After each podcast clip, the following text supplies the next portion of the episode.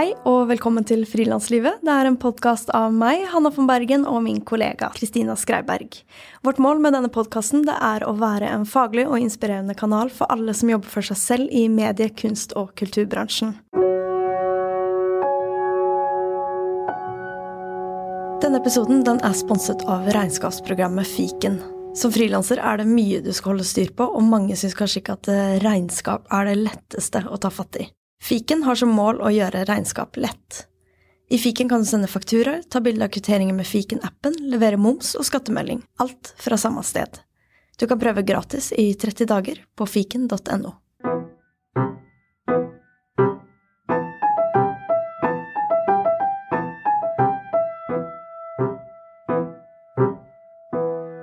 And I will now switch over to English because today's guest is from Leeds in the UK. Susie Davis is a 48 year old choreographer, award winning dancer, and teacher. She started her career dancing in Monty Python's film The Meaning of Life when she was 11 years old. And this experience kickstarted her love for dancing, and she has danced ever since. Susie holds a degree in contemporary dance and choreography at the London Contemporary Dance School, and she has lived and worked in Scandinavia since 1992. Susie has worked with many different dance companies and choreographers, including Uppercut Danseteater and uh, Carte Blanche, and runs her own company now called Deed, together with her work and life partner Matthias Ekholm.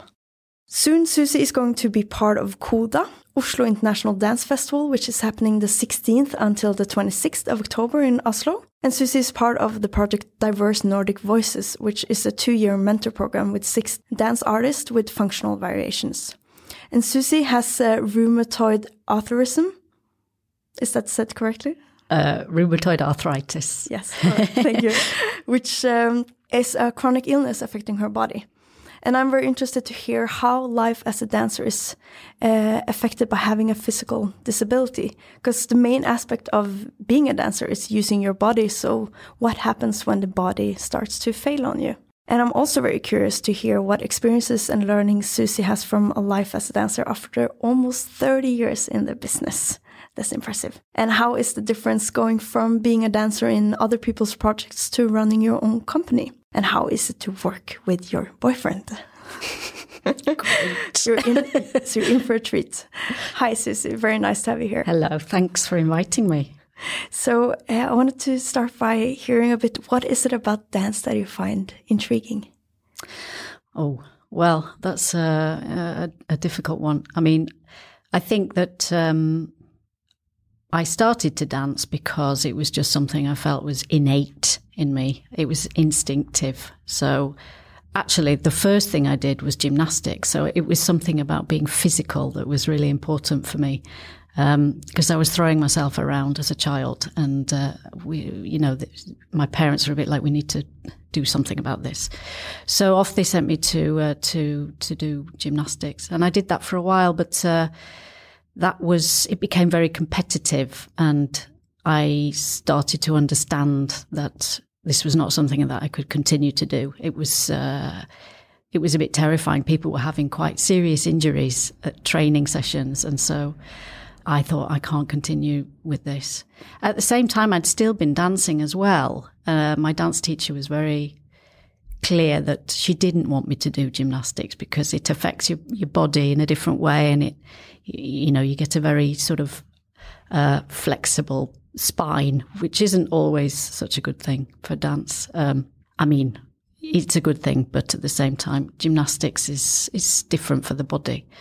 So I quit the gymnastics and uh, just started to focus more on dance. And I didn't ever question why I was doing it, really. It was just, I just had to do it. And so I went to different, uh, I, I, I, did all kinds of dance. You know, I did, um, I did ballet, jazz, tap, Spanish, uh, folk dance, uh, all types. It didn't matter really what it was. I just loved every minute of it. And it gave me a little bit of a an escape, I suppose, from real life. I don't know. Uh, but it's where I felt most at home. It's an identity thing, I suppose. Yes, it's, it's where I felt most me was uh, moving to music. I think I had already decided from a very young age that that's what I was going to do. I was going to absolutely try to become a dancer. That's what I would hopefully have as a career. Mm. Did you know anybody that worked as a dancer at that stage? No, nobody. Uh, not. Uh, I mean, my in my family, my parents are both academics, but my grandparents are were ballroom dancers. It wasn't their career, but uh, at the age of sixty-five, when they retired from their normal lives, normal jobs, they actually re-educated as ballroom dancing teachers. So they they did that for the rest of their lives. They had a small school, and uh, that was very inspiring um, because they loved to dance also, and they they won lots of competitions as ballroom dancers. So yes, I suppose it's in the family in that sense. Different kind of dance, but still a hobby that somehow led to bigger things. You know, that's the time of their lives that they were the most satisfied and happy. I think when they were doing that. Yeah. And did it change your image of dance before kind of attending uh, the London Contemporary Dance School? Or was it kind of what you thought it would be to go into the profession? Because going from it, kind of loving it and having it as a hobby and then making it your profession, how was that uh, uh, change?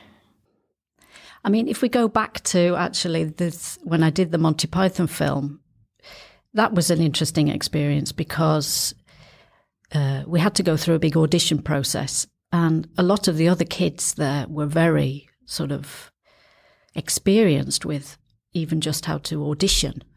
And I didn't have a clue. And so, um, actually, what happened was that, I mean, at that point, I was still doing quite a lot of gymnastics as well. So, when I went to the audition, it was the first time I'd ever had to pick up choreography and so I just felt like I was flailing about. And then I just thought, oh, well, that's it then.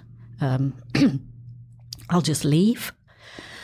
Uh, so I just left the audition. I didn't think that anything had come of it, you know. And then they, uh, uh, we, I went on holiday at that point. It was the summer holidays, and when I came back, there was a phone call, and they said, "We've been trying to get hold of your of you. We'd like to to have your daughter in the film." And I, I mean, I just uh, that was a wake up call for me. Yes, those kinds of situations, I think I always, I never really felt very comfortable in audition situations.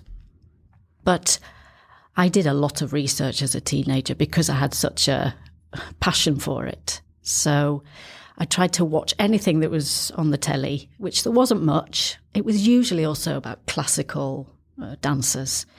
But I would just absorb it, and uh, and I'd had I had magazines, and you know I was I was just looking at the, any all, all the models that were out there at that time, and I suppose uh, what finally I sort of started to understand that the classical world was not a world I wanted to go into, and I think that had something to do with that I wanted to experiment more with different ways of moving or expressing myself.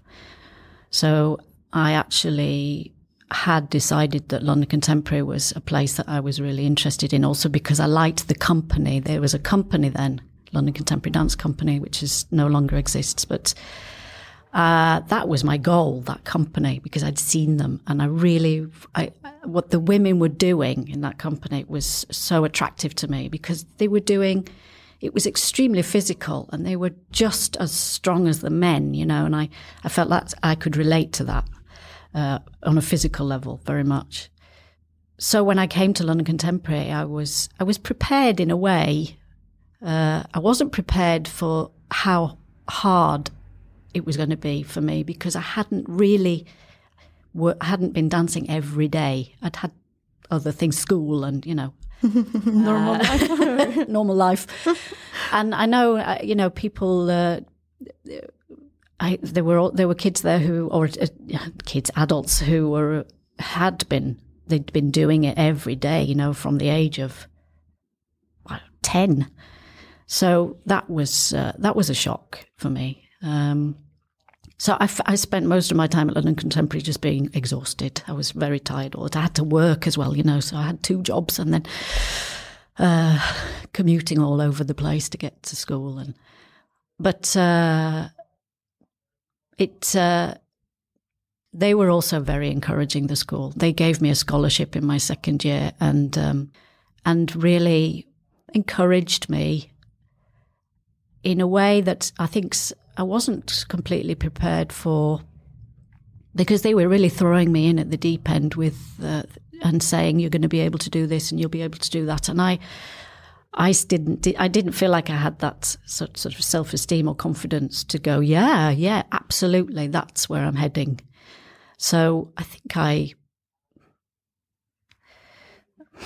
I regret really a little bit that I wasn't more pushy perhaps um, in certain situations and and what kind of situations? Well, for instance, um, uh, I did an audition while I was there. One of the dancers in London Contemporary Dance Company wanted me to be a part of a project, uh, and and I had to do a small audition, and the audition was in in their studio, and all of the dancers in the company were watching the audition, and I just I just fell apart. I just I did a very bad audition, and I, knew it myself. I could feel it. I wasn't surprised at all. I didn't get the job. Uh, but I, then I thought, oh, I'm going to have to really work on that, and not uh, not be affected by those kinds of situations. And it's very interesting when you go into audition situations how people change. Some people really can just switch to another way, and that was uh, that was at a time I, I and I, I learned very very quickly from that situation that I had to. You have to sort of elbow, your way to the front and uh, stick yourself under people's noses, and that goes against everything for me. I, I found that very very hard. So, how did you work with um, uh, getting sharper elbows? I put myself into all sorts of audition situations. That was actually the way to do it I, there weren't so many workshops available then. I think it was the way to get your experience was to go to these big auditions, and sometimes they were a kind of workshop anyway, a couple of days. But but generally, it was a cattle market, and you would be thrown out after thirty minutes, sort of. So, and you didn't always know what they wanted, so you just had to there wasn't the same sort of information. We didn't have um, social media, so you couldn't really find out. You just heard there was an audition and you would just go to it. Oh, scary. Um, and you, sometimes there were queues down the block, and you just had to stand in line and go in and do your thing. And then, so so I auditioned for everything from really sort of contemporary avant garde to musicals. You know, I did uh, all of them and they were great experiences for me. Even though I didn't, if I didn't do well in an audition, I understood why. You know, okay, I don't fit this profile, and but it really helped me work on my confidence and uh, understand something about performing that was invaluable, really. So that's kind of way in the past. We're going to kind of move yeah. back to also looking at different things you've done before, but uh, soon in the future, around the very next corner, CODA, which I yes. talked about in the introduction, mm. is coming, Oslo International Dance Festival. And can you tell us a bit more about your participation in this festival? Well, uh, I'm a part of uh, um, this mentoring program, two year mentoring program, Diverse Nordic Voices. We've had two meeting points already. It's uh, two artists from Iceland, two from Norway, and two from Sweden. And we're meeting in the different countries and workshopping things and um, trying out things to do with our own um, development of our own artistic ideas based in uh, disability. Well, in my case, anyway. So, our first, first meeting was in Iceland last year and that was the first time we'd met as a group, uh, and we we we had workshops together, and then we met again in Stockholm this year, earlier this year, uh, where we sort of had to try to come up with what how how we want to work with with this program. So uh, we've all found mentors. I have a mentor who is uh, wonderful artist called Wendy Houstoun, who is from the UK. And I think, and we're, we're all developing uh, something as a part of this. And we are, our next meeting is during CODA. So uh, it'll be interesting to hear what path or what choices people are making now about um, how they want to continue on the program. For me, it's I've dis, I, I want to work with a solo uh, performance, which um, uh, well, it has to do with my own personal experience of of having uh, something that has affected my life as a dancer. Um, mm. And uh, uh, as I said to you before the interview, this is something that's new for me. Even though I've been chronically ill for many, many years, it's not something that I have put into my artistic work. I've tried. I've still sort of continued to work as a able-bodied, normal person. Uh, so, uh, so this is a new departure for me. It's new for me to talk about it, and it's and it's through this through diverse Nordic voices that I have felt able to approach the subject and feel that there, is some support behind me. You know, uh, with people who know about it and uh, can really help me put me on the right track. Yeah, and I think it's really nice that you want to come here and talk a bit about uh, that, among other things as well. Yeah. Yes. But can you tell us a bit about uh, what is the illness? And uh, I mentioned it, tried to pronounce it correctly. But yeah. just a bit, what is it, and how did you, when did you get it, and how has kind of that period been?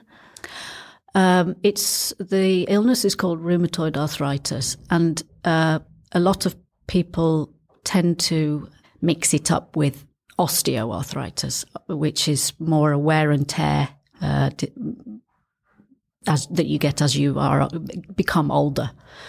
Most people end up with some kind of arthritis uh, later in life, but rheumatoid arthritis is an, is an autoimmune disease, so it is the immune system attacking the joints, uh, which can lead to permanent um, deformation of the joints, um, and well, uh, just I mean, in very very serious uh, cases, um, it can be crippling, like you know, and uh, um, medication is very very good now, uh, uh, but. Um, when I first felt something, it was um, of course, as a dancer, you you you you're very aware of pain in your body because it's it's what you're working with. It's your tool.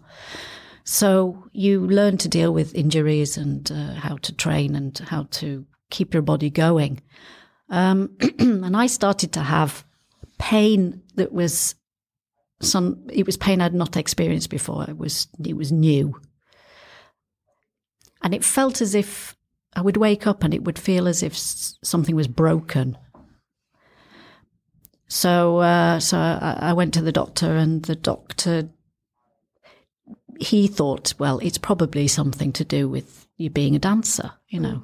Mm. Mm. And I said, no, this doesn't feel like that. And uh, uh, I know. so I actually had to insist on a blood test because I had uh, I had an instinct that this was really not good. Uh, and then uh, it was actually several weeks before I got any results. It wasn't like it was rushed through or anything. And so in, uh, during that period, I'd been back to the UK because I was in, I was a dancer in carte blanche when this happened. And over those weeks in the UK, I just got worse and worse, and uh, I, I basically couldn't walk. Um, and by the time I came back to Bergen to Carte Blanche, uh, people were a bit shocked when they saw me because I'd lost a lot of weight. It's like all the muscles had just dropped off because I hadn't been able to do anything for a few weeks. I'd just been sort of sitting about, wondering why I couldn't move and why I was in so much pain and panicking about what it was. And then I came back and uh, the doctor got the results that there was inflammation in the blood. And then it was I had to visit a rheumatologist who then confirmed that it was uh, inflammation in the body. And then I was supposed to go into hospital, into Haukeland. And there was a waiting time they wanted me to wait three months. Three months. Wow. Uh, and this is where I was actually fortunate to be working in a permanent position in a job because Carte Blanche then wrote a letter and uh, and said she needs to she needs to be seen sooner. Otherwise, I think I might have had to wait, and that's when the most damage is done is in the beginning because oh. you have no medication and the inflammation is very aggressive uh, in the very start of the illness. So when I came into Haukeland, they were like, "Oh my goodness, you should have been here a month ago." And I said, "Yeah, well, I probably would have had to wait even longer if Carte Blanche hadn't stepped in." So, um, but then I was in I was in Haukeland for three weeks and pumped with steroids and everything to get the inflammation down and get the diagnosis because there are different forms so, uh, so then I was diagnosed with it, and you know, I felt like my life had ended. I mean, it was devastating, really. Uh, I felt, I think, uh, I had you know great colleagues and friends around me. Thank goodness for that, um, because it was a very confusing time. Um, and also because the doctors didn't know what the future was for me. They they couldn't tell me if I was ever going to dance again. So I couldn't really understand how it could go from being physically fine a few months earlier and now being in this state. Uh, so uh, I don't know. I didn't it's like um, when you're ill, as a lot of people say, and you're in it. You don't really see how how it was until later. I mean, I started having panic attacks and all sorts of things that had never happened to me before. I'd been so strong, sort of, and managing. And then I was just uh, not managing at all. So, and I didn't go to to, to speak to anybody until years later. Mm which was a mistake, probably. But, and I think that's probably why it's also taken me so long to talk about it as well. Because I just thought, oh, I have to get on with my life now. I have to do what am I going to do? I'll just do, I just panicked. I have to do something else. So then I just rejected dance, really. I went on a sick leave and then I went back to Carte Blanche and I was trying to work there in another way, sort of, sort of on the other side, a bit of rehearsal directing and and of course uh, my boss at the time, Arne Fagerholt, he said, You're not ready to do that. And and I was a bit like, but but why? But of course I wasn't ready. I was a complete mess. so couldn't have a rehearsal director who was, you know, having these kinds of issues. Uh, so, I, so I understood that. So of course, uh, then I realized, okay, I'm going to have to. I can't work here anymore. It's not going to work for me because I. It's a very physical job. Working in carte blanche, it's twenty four seven basically, and you know you have to be fit to do that job. You were about 30, 31? I was 31, point? yes, yeah. when, when, I, when I first had uh, symptoms. Took a couple of years to get the medication right. Uh, it was different times then, as far as there wasn't any NAV, it was Aetat and Trygdekontor. Uh, and so they had to apply, the hospital had to apply for. Uh, for a certain medication for me that was a new type of medication. So I went on sort of the oldest uh, medication to start with, which was a kind of Cellgift. Um, uh, and then um, they applied for this new medication. And that, when I got that, that was after a couple of years. Life changed for me because it improved my mood uh, and my appetite came back and because the other medication, I had problems with that one. It made me a bit sick. So, uh, so that was like a new lease of life, actually, to get that new medication. Uh, so I mean that, and that's a whole that's a whole another side to the illness. You know, medications and on and off different types of medications and in and out of hospital. That's another podcast.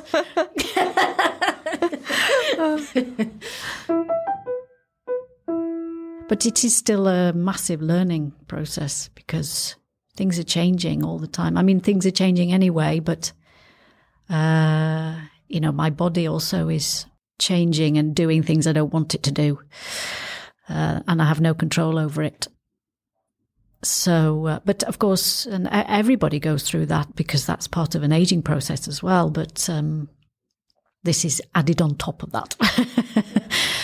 and, uh, and how, so how, how does it feel if I can ask kind of because now you've been you found kind of really good medications. You had this for almost 20 years. Uh, how is the feeling when you dance and kind of what limitations do you experience? Um, well, if I if I were to put it into s- simple terms, um, I can't put weight on my hands, so um, floor work is limited. My feet are very sensitive. My hands are very sensitive.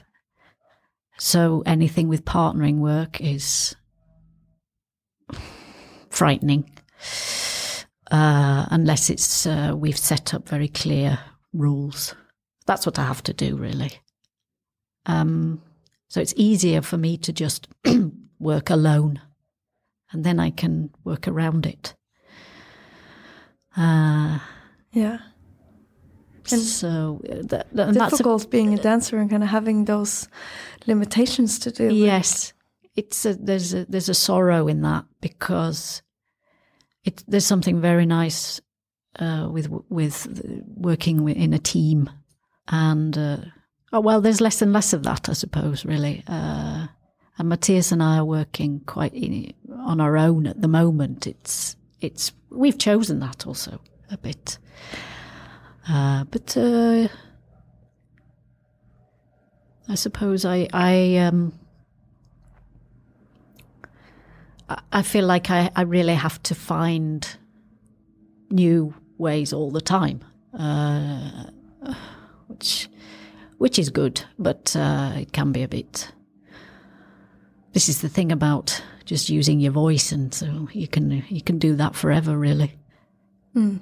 If you don't lose your voice or yeah. something horrible affecting that. So, so I've, I've, that... I've started incorporating text Actually, mm. that's been a way to to work with with uh, with my expression as a yeah. performer. At what point did you kind of mm, move your way back into dancing again? Well, as I say, I uh, I rejected uh, dance, and um, I'd also started having a new relationship with somebody, and uh, uh it was interest, interesting. I mean, our relationship started with me being ill. Yeah, right? it's a quite a heavy period to yeah. meet somebody, but also fantastic. I can imagine yeah, to have something different. When I think about it, I'm quite amazed actually how we managed in the beginning there because we moved to to Stockholm. He's Swedish, um, and uh, we were both starting again. Actually, I mean, Matthias had his network as a dancer, so he he sort of he managed to work a, a bit, but he was also thinking about the next steps as well in his career. Uh, for me, I was on the I was sort of on the internet every day, going right. Um, I'm going to do that education. I'm going to be a lawyer. Yes, right. I'm happy about that decision. And then I would wake up the next morning. Oh dear, no, I don't want to do that. so this was going on and on, uh, and I was just looking at all these different possibilities. I did a very good education as a Pilates instructor, which was good for me at the time because it was exactly what my body needed. It, Pilates, just say, brilliant training, uh, and very good training for protecting the joints and um, building up the small muscles around the joints. So that was a good thing. But uh, but then I just didn't want to do that as a job. I thought I can't do that. Uh, being in a studio all day saying the same thing over and over again. I just thought I can't do that either, really. Am I going to be creative again? Yes, I think I have to be creative. Um, but how am I going to do that?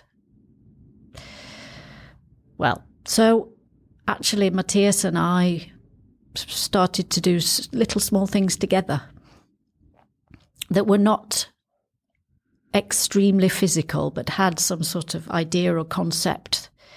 Uh, we actually did um, more, more sort of um, installation work.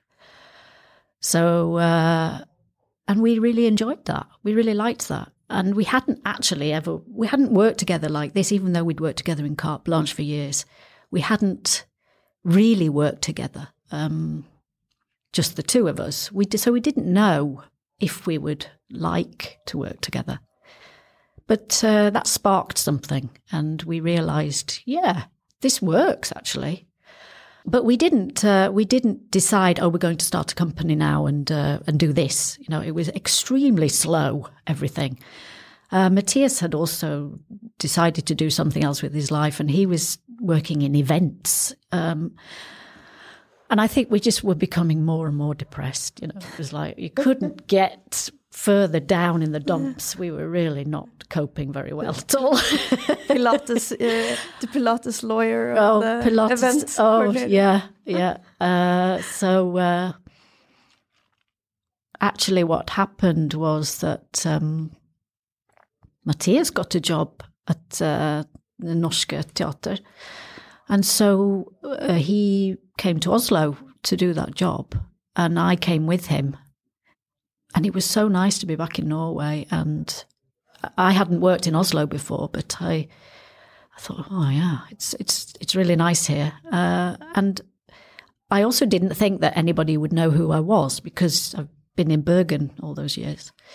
But I found that I had a network, and uh, and so I, I was uh, I started to do small freelance jobs. And I read that in 2007 you got this three uh, three year work scholarship. Yes. So was that about the same time as you kind of came back to Oslo? Yes, mm. it was. How was it to get uh, get that scholarship? It was fantastic.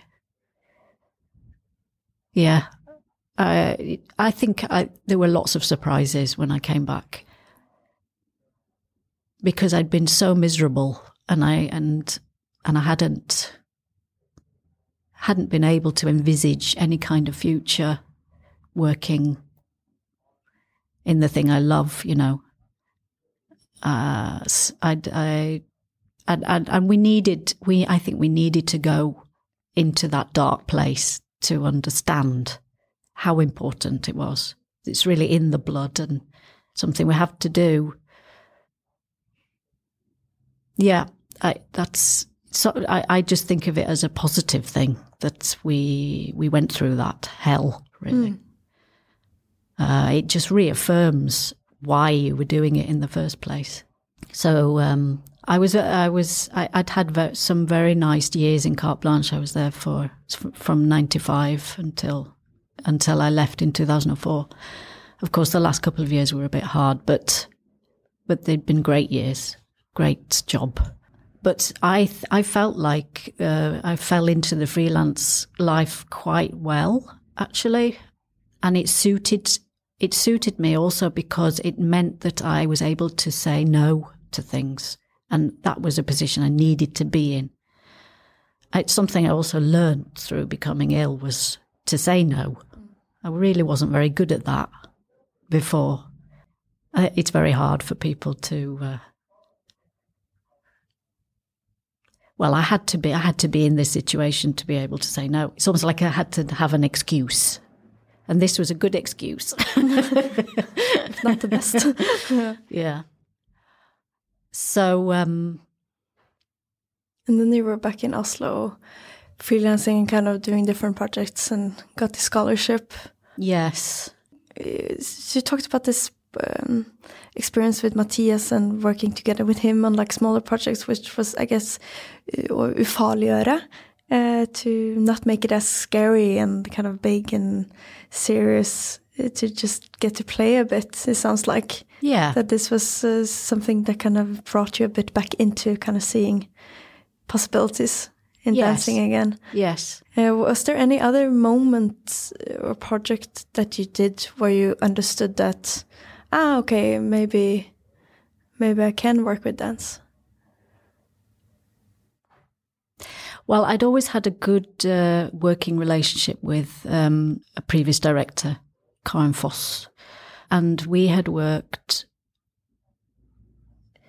on a few projects together, the two of us actually, and that uh, that relationship continued because we we we worked a lot with text, so it wasn't just about movement. And she was somebody also that I managed to continue to work with with my limitations. Uh, and of course, at first, so she asked me if I would like to continue to to work, and I said I would.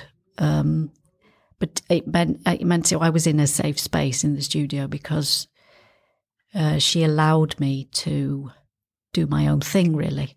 And at first, because I was so afraid, I was, you know, I was, I had wrist supports and padding on my knees and all sorts of things because I just didn't know what it meant for me to be physical, whether it was going to actually make things worse.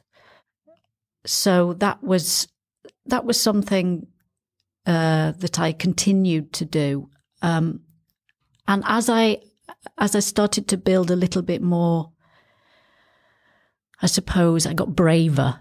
Then I thought, oh, I can actually take some risks. It's not affecting me as much as, and I was, of course, I was continually going to the hospital and they were checking me, and um, and the doctor started to say, you know, if it hurts, don't do it.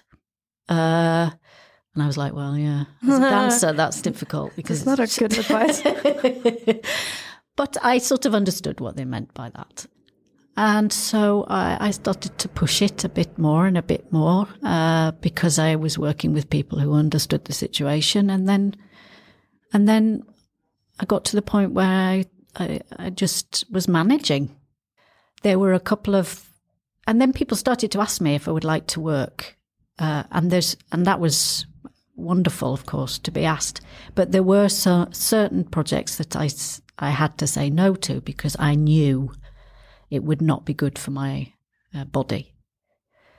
So I had to be sensible um, with with the choices, uh, which was really annoying because there were a lot of people I really would have liked to have worked with. But you know, if they said it's a lot of hand holding or uh, you know it's with uh, with a lot of very physical improv, then I said no because uh, it's difficult when you work with another person and they don't know the problem. Then you can't keep stopping them saying, "Yeah, but don't touch me there," and can you move?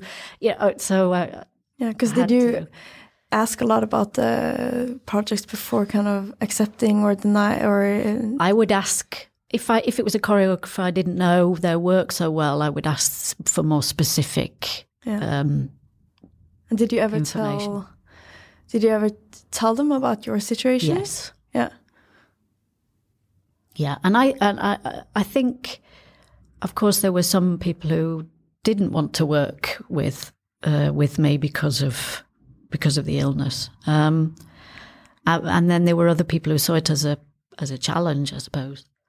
But I think most people don't know what it is, and then I had to explain, and then we would come to an agreement. Perhaps this isn't the right project fee for you or for me, or you know. So. Uh, and then there were other projects that I, I just went into them and I didn't say anything because I knew it was going to be okay.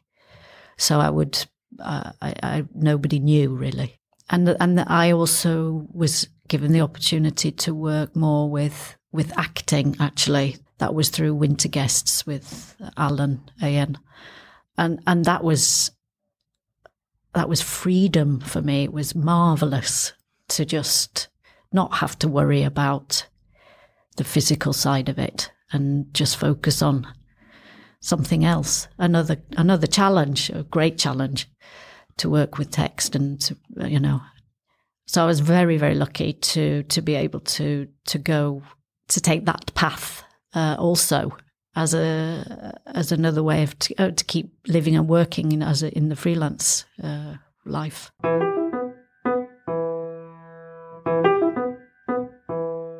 Since 2012, you have uh, been employed by Skuda, yeah. and we actually have. Uh, uh, they've been mentioned several times before in this podcast. It's the Actors and Dance Alliance. Yes. But can you tell us shortly about how how does that work to be employed by uh, that alliance? So you have to. It, um, it's a. It, uh, it's an absolutely marvelous. I just have to say it's a marvelous thing, Skuda, for uh, for actors and dancers. I think it's brilliant uh, situation for freelance artists to have that. But you need to be working as a performer, so uh, you have a certain amount of days that you you need to be working as a performer over a period of two years. Um, and the periods where you're not in work uh, then you are employed by Skuda and you can attend workshops or uh, it means that you receive a, a salary from Skuda and you don't have to relate to NAV in the same way. Yeah. Um, so this period in between different projects where yes. I know a lot of freelancers really struggle. Yeah. Because you're kind of, you need that period in between. It's not just different seasons in different businesses. And uh, yeah, and uh, that gives you a very secure kind of safe haven in between those periods. It sounds really good. It's brilliant. Uh, it's you're secure. You have also pension and all those things that you don't normally get. Uh, they're there. So it's been um, it's been a savior really to be uh, employed by Skuda. It's it's not as easy as it may sound to find all those days as a performer, particularly. I don't know, getting older and uh, relying also some on funding from the Arts Council to be able to continue to to exist. So, yeah, it's uh, it's getting uh, harder and harder. And uh, in 2014, you started Deed, yes, which is your company together with uh, Matthias, yes. Um, your boyfriend. Yes. Uh, it's not really. I like the Norwegian word "kjæreste." Yes, it's my kjæreste. Yes, your kjæreste. Uh, and um, then, uh, how how is it to? Because now you're 48, mm. and you have your own company, so you kind of been doing freelance work, and then now you're doing performances as part of your company and together with Matthias. Yes. And um, how is kind of your work life now compared to 10 years ago when you were dancing in other people's dance performances? Oh, it's hard. I think it's uh, it's very different, actually, very different. Just all the administration is very different. It's an enormous amount of work, writing and uh, just keeping the website up to date. Uh, it's uh, I find it I find it uh, I feel I, I, feel it doesn't come naturally to me. I really have to um, put my mind to it and go right. Okay, so it's important that these things are uh, I mean, you've been onto the website, and I just think, oh my goodness, yes. When did I last look at that? it's a very, very nice website. yeah. Uh, um, we knew what we were getting into. Uh, we knew it wouldn't be easy, um, and I think we'd also we'd been trying it out uh, over time, and the first thing we did which was actually before we established Deed, was um, a solo performance where I was I was responsible for the concept, and um, Matthias was the performer. Um, and it was the first time we'd done anything that big, really. And that went very well. It went very smoothly, unnaturally smoothly. Nothing has gone that smoothly since, actually. we were very happy with the result, and uh, and we got some uh, very nice uh, feedback. And so, I think maybe we thought, oh yeah, this is this is not that bad, really. Uh, oh, little did we know. Uh, but what what has been interesting is is because we've been working for so many years in so many different versions of ourselves as performers. Um, uh, one thing that we had to try to do was separate ourselves a bit from be, from those artists or those performers uh, and try to really establish ourselves as this is what we're doing now. This is who we are, and we're making our own work. And the company is called Deed. Uh, because we've we've been attached to other choreographers, and people uh, sort of expect that you are going to continue in that way, and and so we've had to make some hard choices actually to to say no to work that we feel has to do with identity, uh, who we are and who we've been and who we're becoming. And this has a lot to do with identity. Uh, this whole illness stuff as well um, has really brought those questions up. Yeah, and you made a performance together with Matthias yes. called Bent Out of Shape. Bent Out of Shape. And that was our fourth sort of full evening performance that we we'd been talking about and then I just decided right we're going to do it. Let's do it. And that was that was that was very interesting because uh, we were also trying to bring Matthias into it as and put his perspective as a partner of somebody who's who's having chronic illness. And we found that very difficult actually. Um, we uh, we we were we went through a, a, it was quite a hard process. I wouldn't say it was enjoyable that process. No. But we learnt a lot from working with a personal theme. That was something we'd not done before and I found that really excruciatingly difficult because I didn't want to really talk about myself. I wanted to I, I wanted to try to uh, express it on a level that you could actually read into it something else as an audience. But I do have personal text in the performance. And I was really cringing uh, uh, about that, hearing it. And, but people were saying, no, it's, it's, you know, it's okay. You, you can, you can say those things. But I found it very hard to, to listen to. Uh, but I think that I needed to go through that to be able to go to this next step, which and the next step for me was actually applying for the diverse Nordic voices because I thought, okay, this is really something that I, I have to do now. And since then, I have, um, I've done a couple of talks where I've spoken about my experience and, um, and I, I'm, I feel much more ready now to approach the subject. Um, and involve other people in in it. Uh, but it's still new territory for me.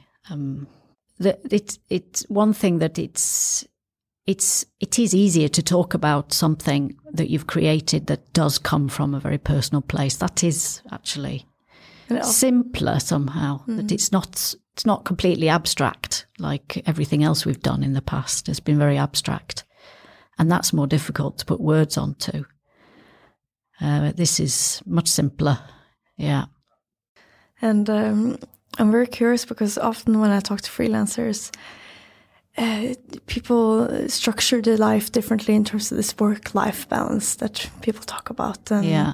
how much your um, freelance job comes into your personal life or how you set boundaries.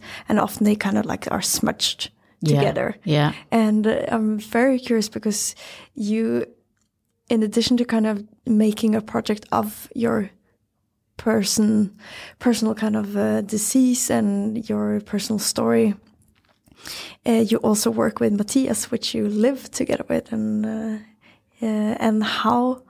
Uh, how uh, what is your experience in doing that do you have any good advices for people that does the same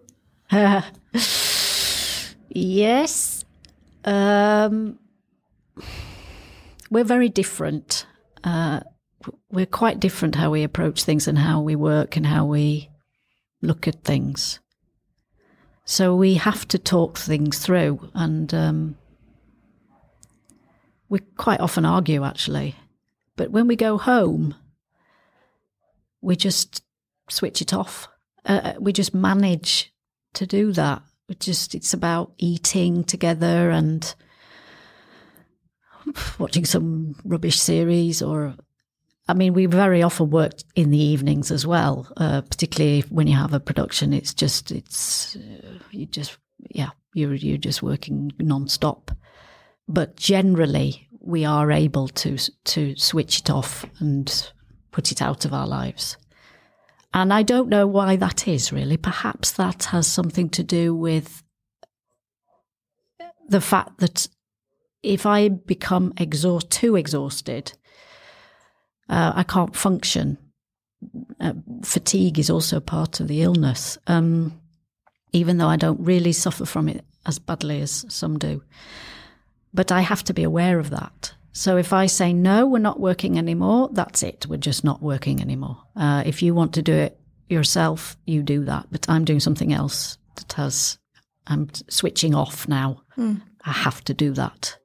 Sounds like you've been um, very good at uh, um, kind of training your um, boundary setting and saying no and kind of really listening to what you need and well i don't know if i've been very good i think it's taken me a long time to allow myself to do it uh, because I like to work, but I've understood that it's the only way I can keep going is not to burn burn myself out.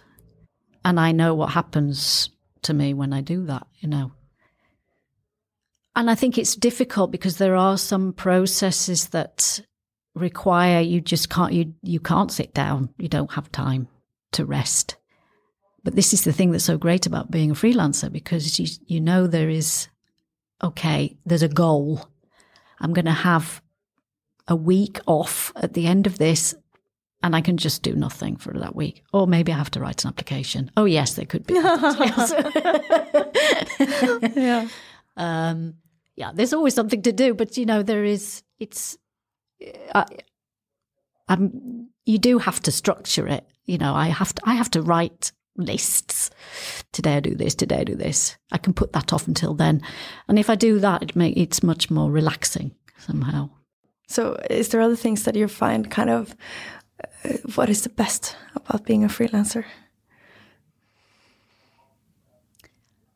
Well, I think most people say there is some kind of freedom in it for good and bad. Uh, I suppose working as we do, it is uh, it is the best of both worlds. It's both heaven and hell. It's sort of you know you live for it, but it's going to kill you, and uh, if you know that, uh, you can deal with those periods where there's not much going on because those are the periods that are the worst. Those are the periods everybody really feels miserable because they don't feel wanted or needed or um, and it doesn't matter how old you are, how long you've been in the business. Uh, everybody feels that way. The young uh, dancers that we work with uh, mentoring um, through Skuda, they're all panicked about not having enough to do. And I suppose uh, that's something that comes with experience that you you deal with that in in in uh, in another way. I still don't like it. I don't like those periods of waiting, if you're waiting for an answer f- for funding or is it going to happen? Am I going to be able to continue with this project, you know, that you're really burning for? And then it's rejected and you have to start thinking again about what to do. And that happens all the time. So we're always at these crossroads where uh, you have to you have to be adaptable and choose different paths. And not everybody wants to do that, I suppose. And I think perhaps sometimes I think, oh, it would be nice to have one of those. Just just go to work, come home, not think about it. But I know I'd get bored with that. I like variety. yeah. I do. I do like that saying, "Variety is the spice of life." I do actually believe that, and it doesn't, yeah, in all senses, uh, in life.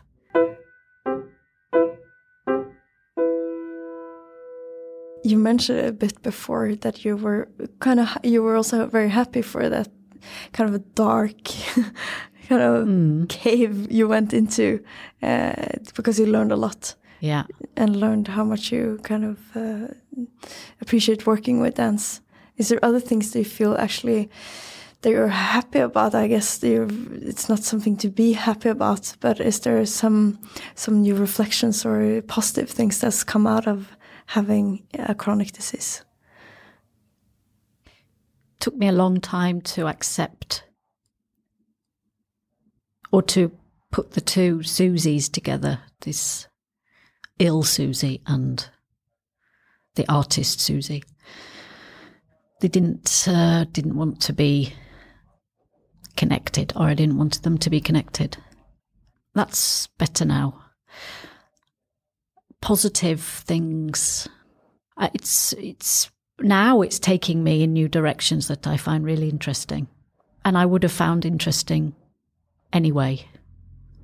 So that's very positive. Uh, I I almost wish that I'd had that opportunity earlier because it's um, there are some uh, amazing people uh, who are uh, so I don't know inspiring to to to watch and be with. So that's a very positive thing. But of course, like I said, it's taken me a while to choose to go on that path, or uh, and also because it's sort of like a bit invisible, really. Uh, which is which is also something people are starting to talk about now. This invisible disability, because it's. I I've seen performers who they are very obvious, obviously disabled, um, and that's that's something that I maybe isn't so obvious when I uh, perform. Uh, so it's that's also uh, an interesting aspect, and and people are are coming sort of coming out and saying, yes, actually, well, it's the same for me, and I've had this for a while. Nobody knew about it, and I, th- I think that's very interesting, very exciting, also. Mm. Um, and by talking about it, I think it's really good. You are creating an openness. Yeah. Because, uh, um, yeah, as you say, it is hidden, and then it's very easily uh, not talked about as well. Yeah. So what do you think for you makes it scary to talk about it? Um, I suppose. I, I suppose I felt a little bit like it was a failure in some way to be ill. Uh, that's a very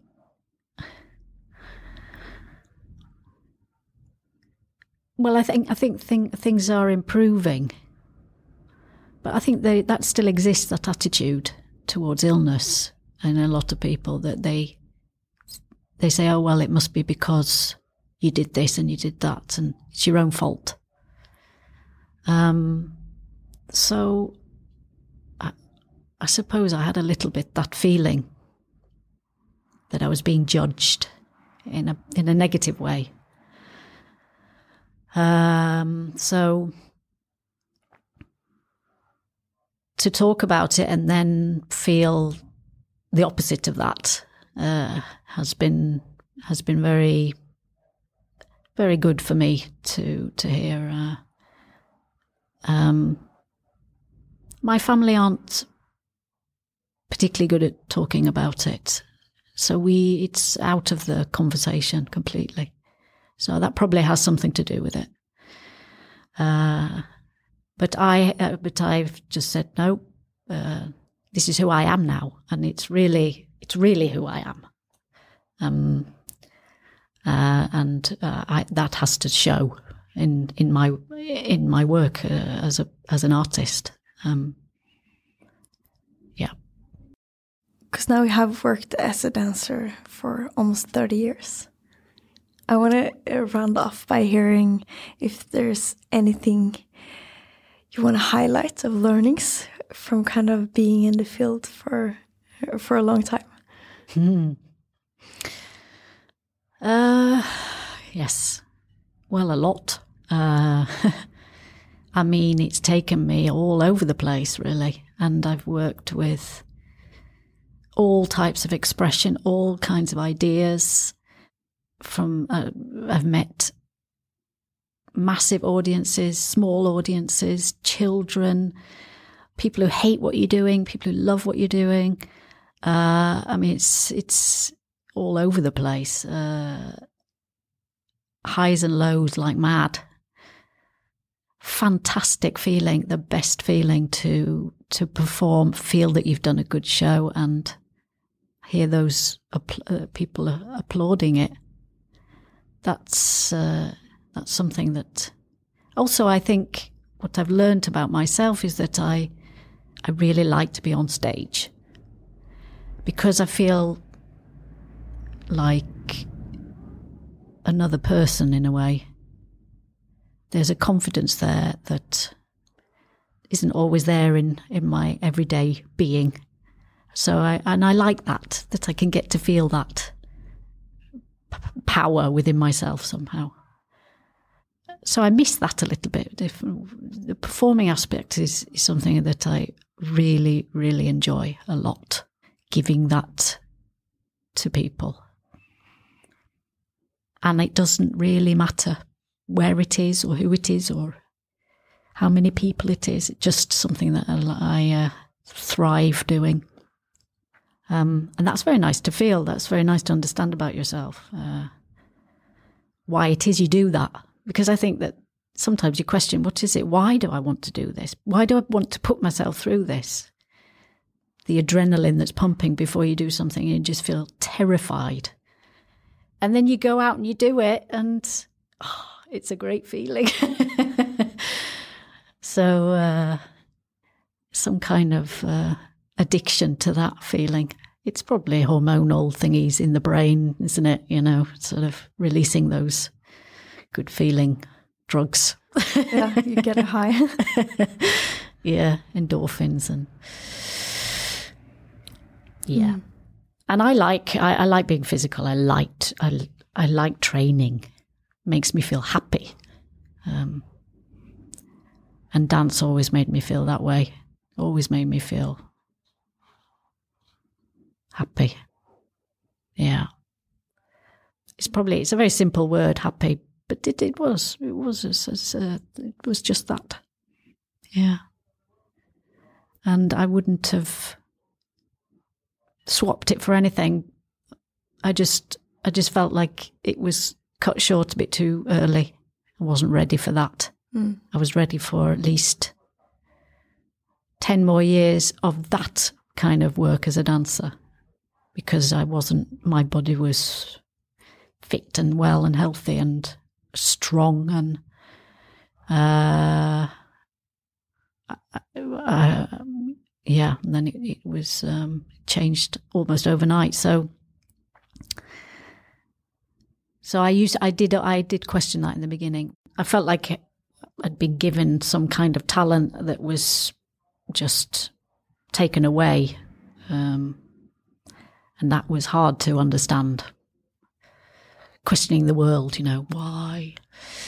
But I mean, Uh, and now, a bit yeah. 20, 20 years later, what do you have I mean, any I, of answers? Course, I, uh, no, I don't have any answers. But it's like it's like you say, you reflect on things, and you have to see the good things that come out of it.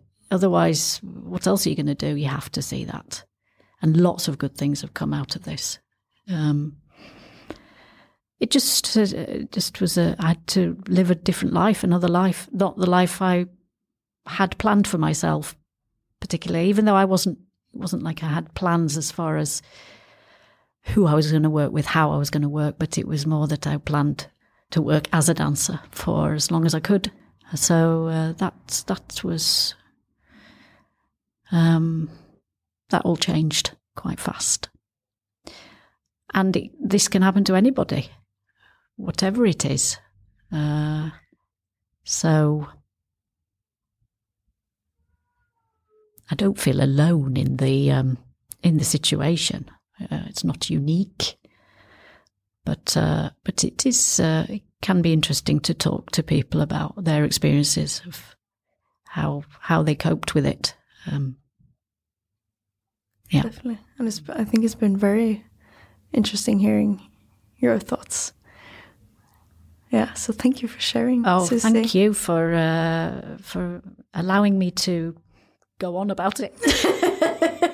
it's been great. Thank you so much.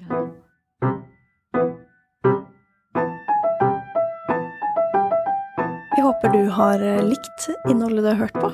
Eh, hvis du har det, så gå veldig gjerne inn på iTunes og gi en liten tilbakemelding og gi en liten rating. Og spre gjerne ordet til en frilansvenn eller to så kan vi fortsette å lage frilanslivet og forhåpentligvis gi deg mye godt frilanssnadder fremover.